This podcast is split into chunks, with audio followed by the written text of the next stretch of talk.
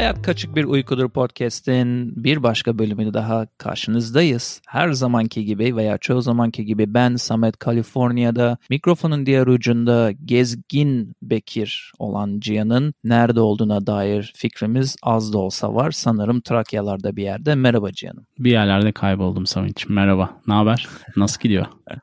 Güzel gidiyor. Yoğun bir okul dönemi sonrası biraz daha hafiflemiş bir dönemdeyim. Senin nasıl gidiyor? Sakin ve her zamanki gibi dingin diyebilirim. Evet dingin bizim bölümlerin zaten ana kelimesi haline doğru gidiyor. Olmaya Değil doğru mi? gidiyor. Podcast'i bir kelimeyle özetlemek istersen. Dingin. Evet ya. Şimdi daha önce de birkaç serisini yaptığımız benzersiz rotalar bölümü çekelim istedik. Bu bölümde biliyorsun ben gittiğim bir yeri sana anlatıyorum. Yurt içi yurt dışı olabilir. Kime göre yurt içi, kime göre yurt dışı sonuçta. Sen de bana gittiğin bir yeri anlatıyorsun ve böylece hem dinleyenin hem de birbirimizin ufkunu açmış oluyoruz deyip sana istersen böyle bir topu yuvarlayayım. Bugün sana ve sevgili podcast dinleyicilerine anlatmak istediğim şehir Berlin. Aslında biz bunun ucundan bir yerinden 15. bölümde Kerem'le konuşmuştuk. Ama Kerem'le biraz daha orada yaşam hakkında neler yapılabilir şeklinde yerlere dalmıştık. Ben tamamen Türkiye'den gitmiş bir turistin seyir defteri şeklinde olaya yaklaşmak istiyorum. Şimdi Berlin'e ben 4 kere gittim. Hatırı sayılır bir rakam bakınca. Tabii ki bunun çeşitli sebepleri vardı zaman diliminde. Bir süredir de takdir edersin ki yolum düşmedi. Mevcut durumlar ortada. Şimdi Berlin'in Nesi beni o kadar çekti? Birinci soru o olabilir. Herhalde bayağı bir New York vari bir şehir olması ve hatta New York'tan bile kozmopolit bir yapısının olması diyebilirim. Orada Hmm. kendini rahat hissedebiliyorsun ve belki de şehrin en temel özelliği seni böyle dışlamaktan çok daha da içine çekiyor ve bunu sana hissettiriyor garip bir şekilde. Çünkü çoğu yerde böyle kendine ait hissedemezsin ve bir adım geride durursun ama o Berlin'de olmuyor ya da bana olmadı. Yani seni kucaklayan bir havası var diyorsun. Ya bana öyle geldi. Bir de şeyle alakalı da değil. Şimdi orada bayağı bir Türk nüfusu var. 400 bin civarında olduğu söyleniyor. Ondan dolayı da değil bu arada. Hani Türkler fazla öyle yakın hissettim de değil. Değişik bir yapısı var. Büyük ihtimalle de şeyle alakası var. Hani bu göç olaylarını, göçmenlik olaylarını zaman içerisinde potasında eritmesi ve birkaç jenerasyon genç nüfusun da orada hayatını sürdürmesi diye de düşünebiliriz. Yani dolu dolu, canlı canlı her zaman yapacak bir şey bulabildiğin, her zaman bir şeylerin olduğu bir şehir gibi canlanıyor kafamda sen anlatınca. Aynen öyle. Bir de şu taraftan bakabilirsin. Şimdi 2. Dünya Savaşı sonrasında tamamen böyle dümdüz olmuş bir şehirden bahsediyoruz aslında şu anda. Yani her şeyi sıfırdan yapmışlar bu savaşı kaybettikten sonra Hitler'in ütopyasının çöpe gitmesinden sonra. Nesi Berlin'i biraz daha sana yaklaştırıyor? Aslında kolaylaştırıyor diyebiliriz. Bir kere şehrin ulaşımı inanılmaz kolay. Yani her yere gitmek için metro, otobüs, her şeyi kullanabiliyorsun ve çok fazla durak var. Adeta bizim İstanbul'daki İETT'ler gibi böyle ya da metrolar gibi hı. durakların aralarının yakın olması gibi. Diğer özelliği, en garipsenecek özelliği böyle kozmopolit ve inanılmaz aktif 24 saat yaşayan bir şehrin yemyeşil olması ve birçok yerde ormanların seni bir anda şehirden alıp başka bir yere götürmesi. Bu Hı hı. en şaşırtıcı özelliklerin başında geliyor belki de. Ve daha da şaşırtıcısı belki de tarihiyle alakalı. Şimdi 1961 yılında yapımına başlanmış bir Berlin Duvarı var. Meşhur. Hı hı. Ve 1989'un sonunda bütün duvarları yıkıp başkalaşıma geçmiş. Hani Doğu Berlin, Batı Berlin muhabbeti zaten hala aslında hissedilebilir bir durumda. Çünkü şeyi anlıyorsun sen. Trenle giderken bir anda batıdan doğuya, doğudan batıya geçtiğini anlıyorsun. Çünkü binaların şekli değişiyor. Yani ne anlamda? Mimari olarak mı yoksa yenilik ve eskime anlamında mı? Aslında ikisi de oluyor. Binaların işte doğu batı ayrımını hem mimari olarak yapıyorsun hem de eski yeni olarak düşünebilirsin. Ama tabii tarihi dokuyu bir nevi korumaya çalışmışlar. Yeniden yaparken bile olabildiğince. O yüzden dolayı şey hissediyorsun o geçişi hissediyorsun. İlginç. Peki gittiğinde bu ormanlık alanları falan hani çok arayarak mı buldun yoksa kolayca karşına çıkan bir durum mu bu? Yani nasıl? Çünkü ben uzaktan baktığımda hep binalar, beton, barlar falan o tarz şeyler görüyorum uzaktan bakınca videolarda. Hiç bu orman veya doğa kısmına çok karşılaştığım söylenemez.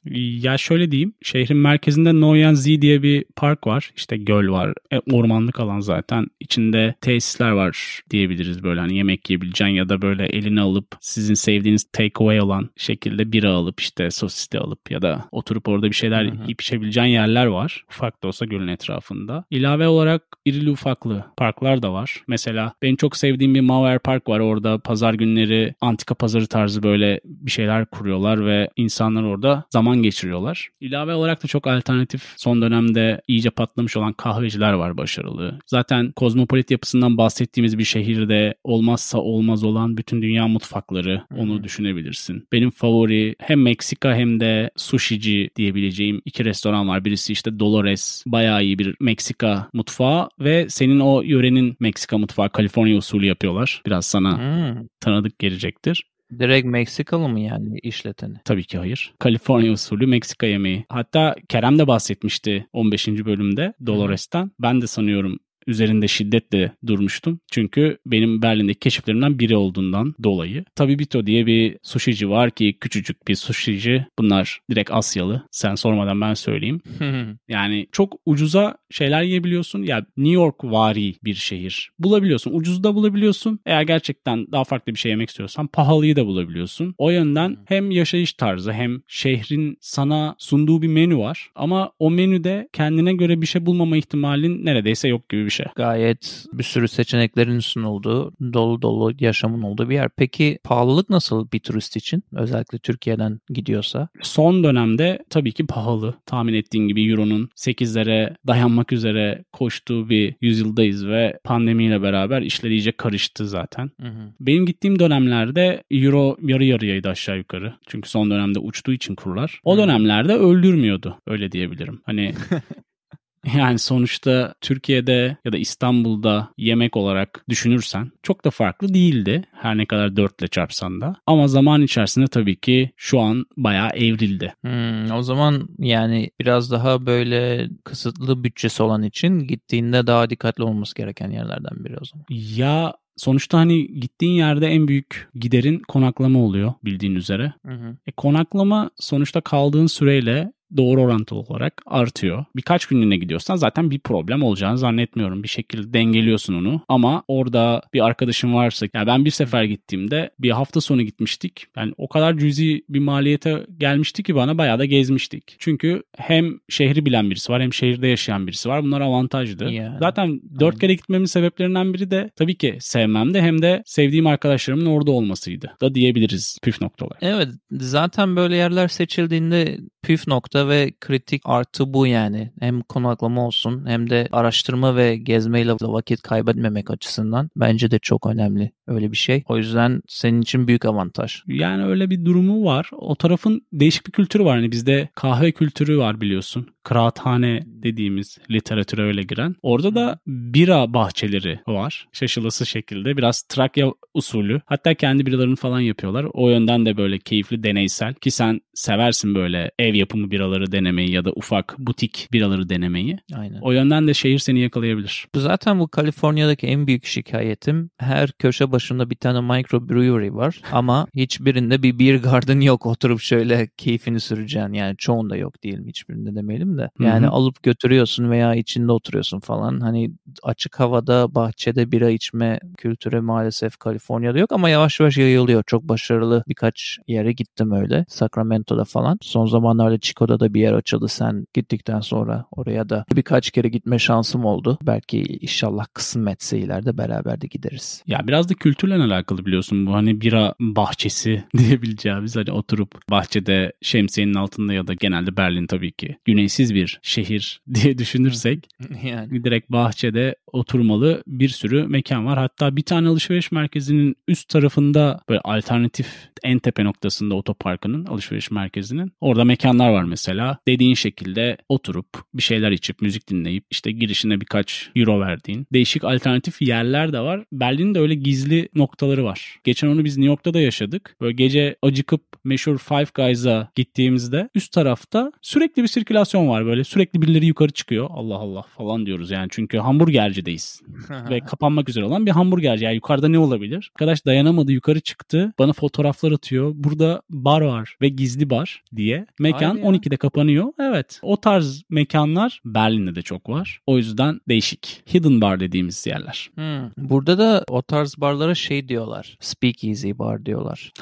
Veya işte rave yapıyormuşlar. Rave partileri yapıyorlar gizli gizli. Bir ismi de var. Ama evet yani Berlin'in anca işte filmlerden, belgesellerden ondan bundan görüyoruz. O yüzden bir gün mutlaka gidesim var açıkçası. Şöyle diyebilirim sana. Şimdi benim şaşırdığım şehirlerden birisi de Prag'tı mesela. Prag'da böyle bir pasaj gibi bir yere girip sağda soldaki mekanlara girdiğimde bir tanesi böyle şarap mahzeni gibi gözüken ve formatı olan bir şarapçıydı. Ya da hani o yine Prag'da gördüğüm kokteyl bar vardı bir tane bayağı eğlenceli zamanlar geçirdiğim. Mesela o tarz şeylerde daha az oluyor ama böyle büyük şehirlerde tabii ki farklı noktalara evrilip sürekli her gün farklı mekana gidebileceğin yerler oluyor. O yönden Berlin'de yaşayan insanların bir artısı var. Ya zaten sen o bira bahçelerini falan anlatırken hep gözümde Prag canlandı benim. Orada yaşadığım zamanki en sevdiğim şey zaten oranın inanılmaz büyük ve müthiş manzaralı bira bahçeleriydi. Bu bira bahçelerinden aşağıya bütün şehri görebiliyordun. Bazen insanlar oturmuş işte Prag takımlarının futbol maçlarını veya işte buz hokeyi neyse bir saçma sapan bir şeyler izleyip bağırıyorlar, çağırıyorlardı hep beraber falan. Güzel ortamlar oluyordu orada. Biraz Berlin bana onu hatırlat. Mesela Berlin'de şeyi çok isterim ben ileride. Bir turnuva bir şey olduğunda Dünya Kupası, Avrupa Şampiyonası falan herhalde orada bira bahçelerinde öyle şeyler izlemek çok mükemmel bir tecrübe olabilir. Göle nazır. Neden olmasın? Ama niye orada izliyorsun da onu anlamadım. Turnuva orada değil mi? Başka bir yerde mi? Olacak. Evet evet yani başka bir yerde olsa bile ha, Berlin'deysen okay. o sırada. Çünkü ben Paris'e gittiğimde bir futbol olayları oluyordu o zaman Türkiye katılmadığı için zaten çok da umurumda değildi ama bütün şehirde inanılmaz bir festival havası vardı ya şey sayesinde turnuva sayesinde. Yani sadece Fransa maçları da değil. Her maçta çünkü zaten Paris'e tahmin edeceğin üzere her tarafında her yerden farklı turist olduğu için kim oynamış yani. kimle hiç fark etmiyordu yani inanılmaz canlılık katmıştı o zamanki. Hatta o gezimin bir ayağı da İsviçre'ydi. İsviçre'de de maçlar devam ediyordu. Grup safhasındaydı galiba maçlar. Orada da inanılmaz bir canlanma olmuştu ki İsviçre yani ölüdür normalde. Sakinliğiyle bilinen bir yer. O yüzden dedim Almanya'da bir Berlin'de evet. bir bira bahçesinde bir turnuvayı izleyip hele hele bir de Almanya maçına denk gelirse unutulmaz bir tecrübe olabilir. Olabilir. Kerem zaten orada. Kerem'i bir ziyaret ederiz. İstersen ben de biraz kendi gittiğim yerden bahsedeyim eğer ekleyecek Lütfen. başka bir şeyin kalmadıysa. Önereceğim bazı mekanlar var. Onları bölüm notlarına eklemeyi düşünüyorum. İlgisini çeken insanlar bölüm notlarından linkleriyle beraber görebilirler. Süper. gbupodcast.com bölüm notlarından ulaşabilirsiniz. Hı hı. Ben yaklaşık sanırım 3 gün kaldım veya 3,5 gün kaldım. Macaristan'ın Budapeşte şehrinden bahsetmek istiyorum. Böyle minimal bir beklentiyle gitmiştim ama beklentinin üzerinde bir tık üzerinde güzel vakit geçirip döndüğüm bir yer oldu. Oradan biraz izlenimlerimi paylaşmak istiyorum seninle. Tıpkı Berlin'in ne kadar canlı, ne kadar kucak açan, kozmopolitan bir yer olduğundan bahsettiysek, hı hı. Macaristan'da bir o kadar yorgun bitkin, savaşın izlerini silmeye çalışan, nasıl diyeyim sana, ekonomisinin çok canlı olmadığını sokakta yürürken bile yani farkında olabileceğin bir izlenim bıraktı bende. Ama ben niye iyi vakit geçirdim? Biraz farklı aktiviteler seçtik oraya gittiğimizde. Örneğin bu Macaristan'ın veya Budapeşt'in en ünlü yerlerinden biri işte bir tepenin en üstünde duran Castle Hill yani tepedeki şato veya kale. Mesela oraya normalde arabaya binip çıkıyorsun, bakıyorsun falan sonra iniyorsun. Biz bir bisiklet turu kiralamaya karar verdik ve bisikletle oh. birçok yere gittikten sonra o tepeye de kondisyonun içine ederek çıkmaya çalıştık. Keyifliydi ama inmesi tabii daha da keyifliydi hızlı bir şekilde bisikletlerle ama çıktığında gerçekten şehrin ortasından geçen nehrin manzarası olsun, bütün diğer tepeler olsun. Biraz böyle mini baby İstanbul'u andırdı yani oradan aşağıya baktığımda köprüleriyle ortadan geçen kanalıyla falan. Öyle bir şey yaptık. Mesela diğer yaptığımız şeyde bir trene bindik ve 5-10 dakika falan sadece şehir dışına çıktığımızda ardından da elimizde telefonlarla biraz Google Map yürüyüşü yaptıktan sonra çok alakasız bir yerde, hiçbir turistin olmadığı bir yerde yine böyle bir yeraltı mahzenine girdik senin Prag'da bahsettiğin gibi ve orada önceden hani aldığımız biletler ve tur sayesinde bir Hı-hı. şarap mahzenini gezdik ama bilete dahil olan benim en güzel vakit geçirdiğim zamanlardan biridir. Bilete dahil olan turu bitirdiğimizde de upuzun bir masaya bir iki daha işte grup vardı bizim gibi böyle 3-5 kişiden oluşan çok büyük bir grup değiliz yani toplam 10-15 kişi her taraftan gelen. Hı hı. Oturduk ve onların bize pişirdiği yemekleri, onların bize önerdiği şaraplar şeklinde yedik içtik. Bir arkadaşım benim buradan Chico'dan o da çok fazla içmez. İçtiği zaman da sadece böyle bazı belirli likörler falan içer. Şarap çok içmişliği yoktur. O baya baya baya kafayı buldu.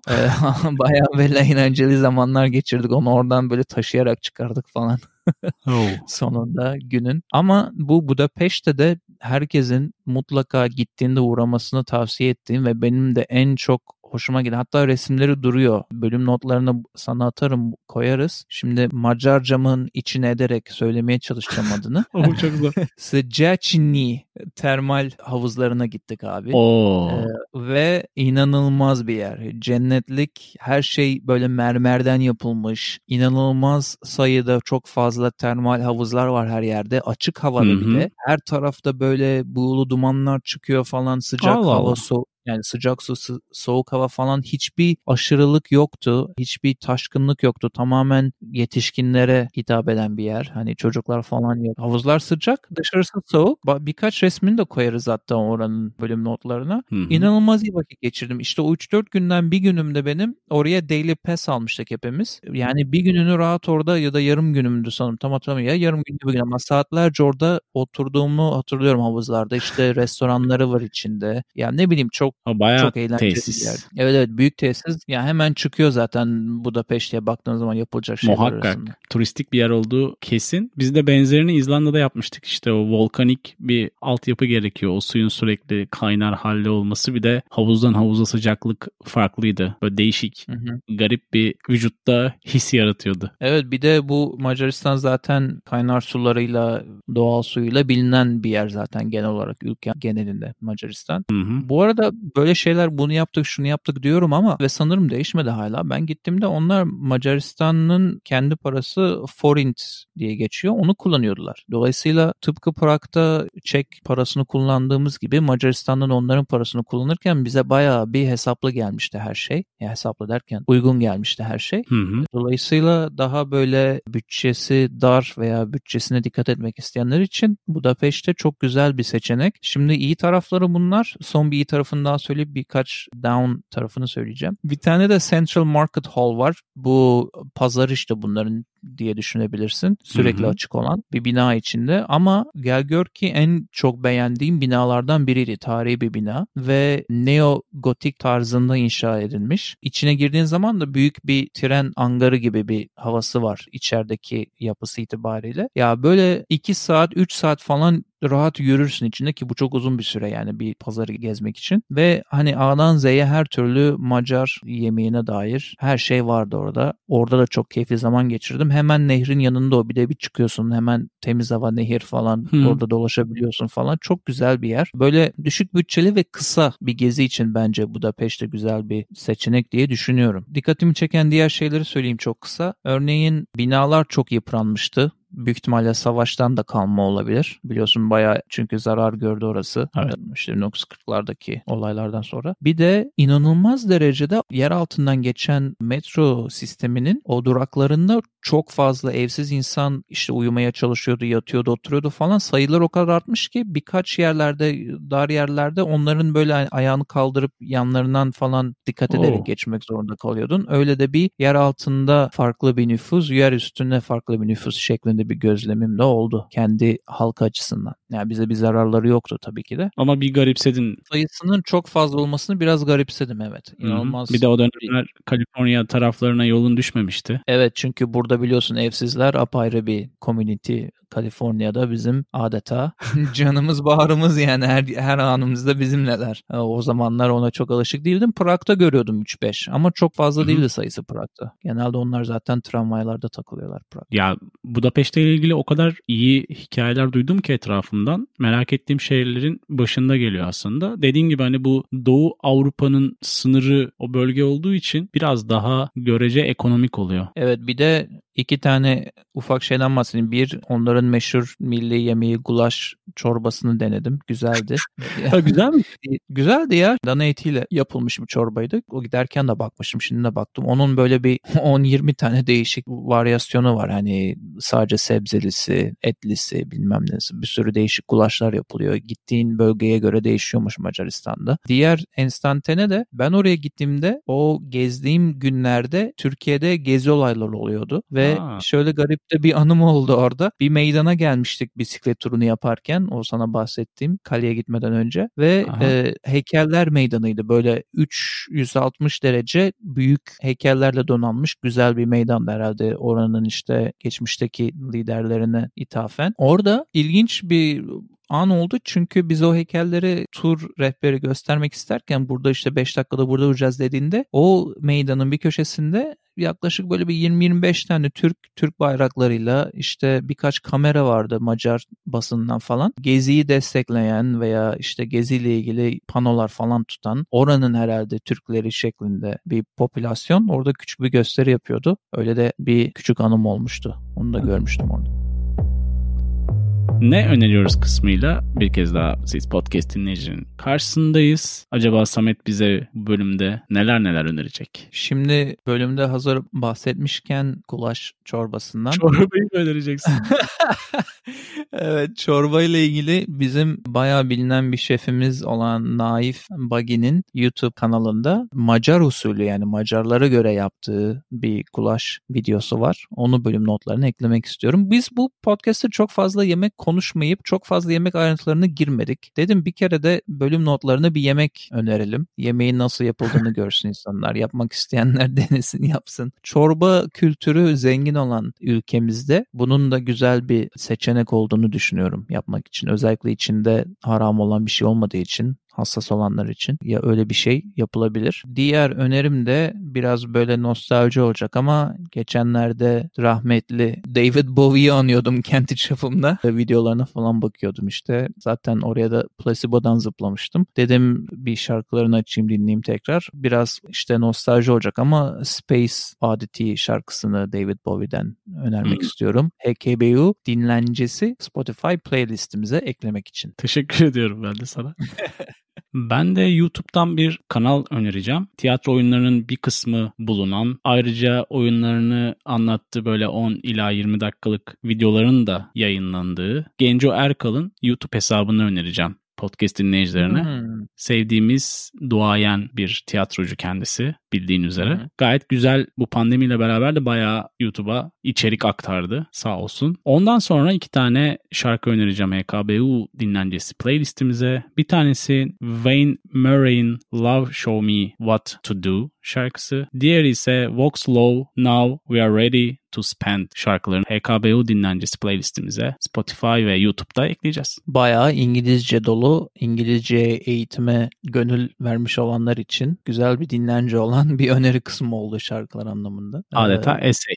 Adeta bir essay yazdın aynen. Ben de HKBU'nun zaten dinlencesine sık sık böyle göz atıyorum. Kendi kendime senle yarattığımız halde çok hoşuma gidiyor. O yüzden parçalara ben de bir göz atacağım Cihan'ım. Bir kez daha sana ve bütün podcast dinleyicilerine teşekkür edelim. hkbupodcast.com sitesi üzerinden bize ulaşabiliyorsunuz. Ayrıca bütün podcast platformlarından bizi takip edebiliyorsunuz. İlave olarak Samet'in her zaman sevdiği gibi ve size söylediği gibi bize kahve ısmarlamak isterseniz Patreon hesabı üzerinden bize 724 ulaşabilirsiniz. Evet canım ağzına sağlık. Burada bölüme son verelim ve herkese iyi günler, iyi geceler dileyelim. Hoşçakalın. Hoşçakalın.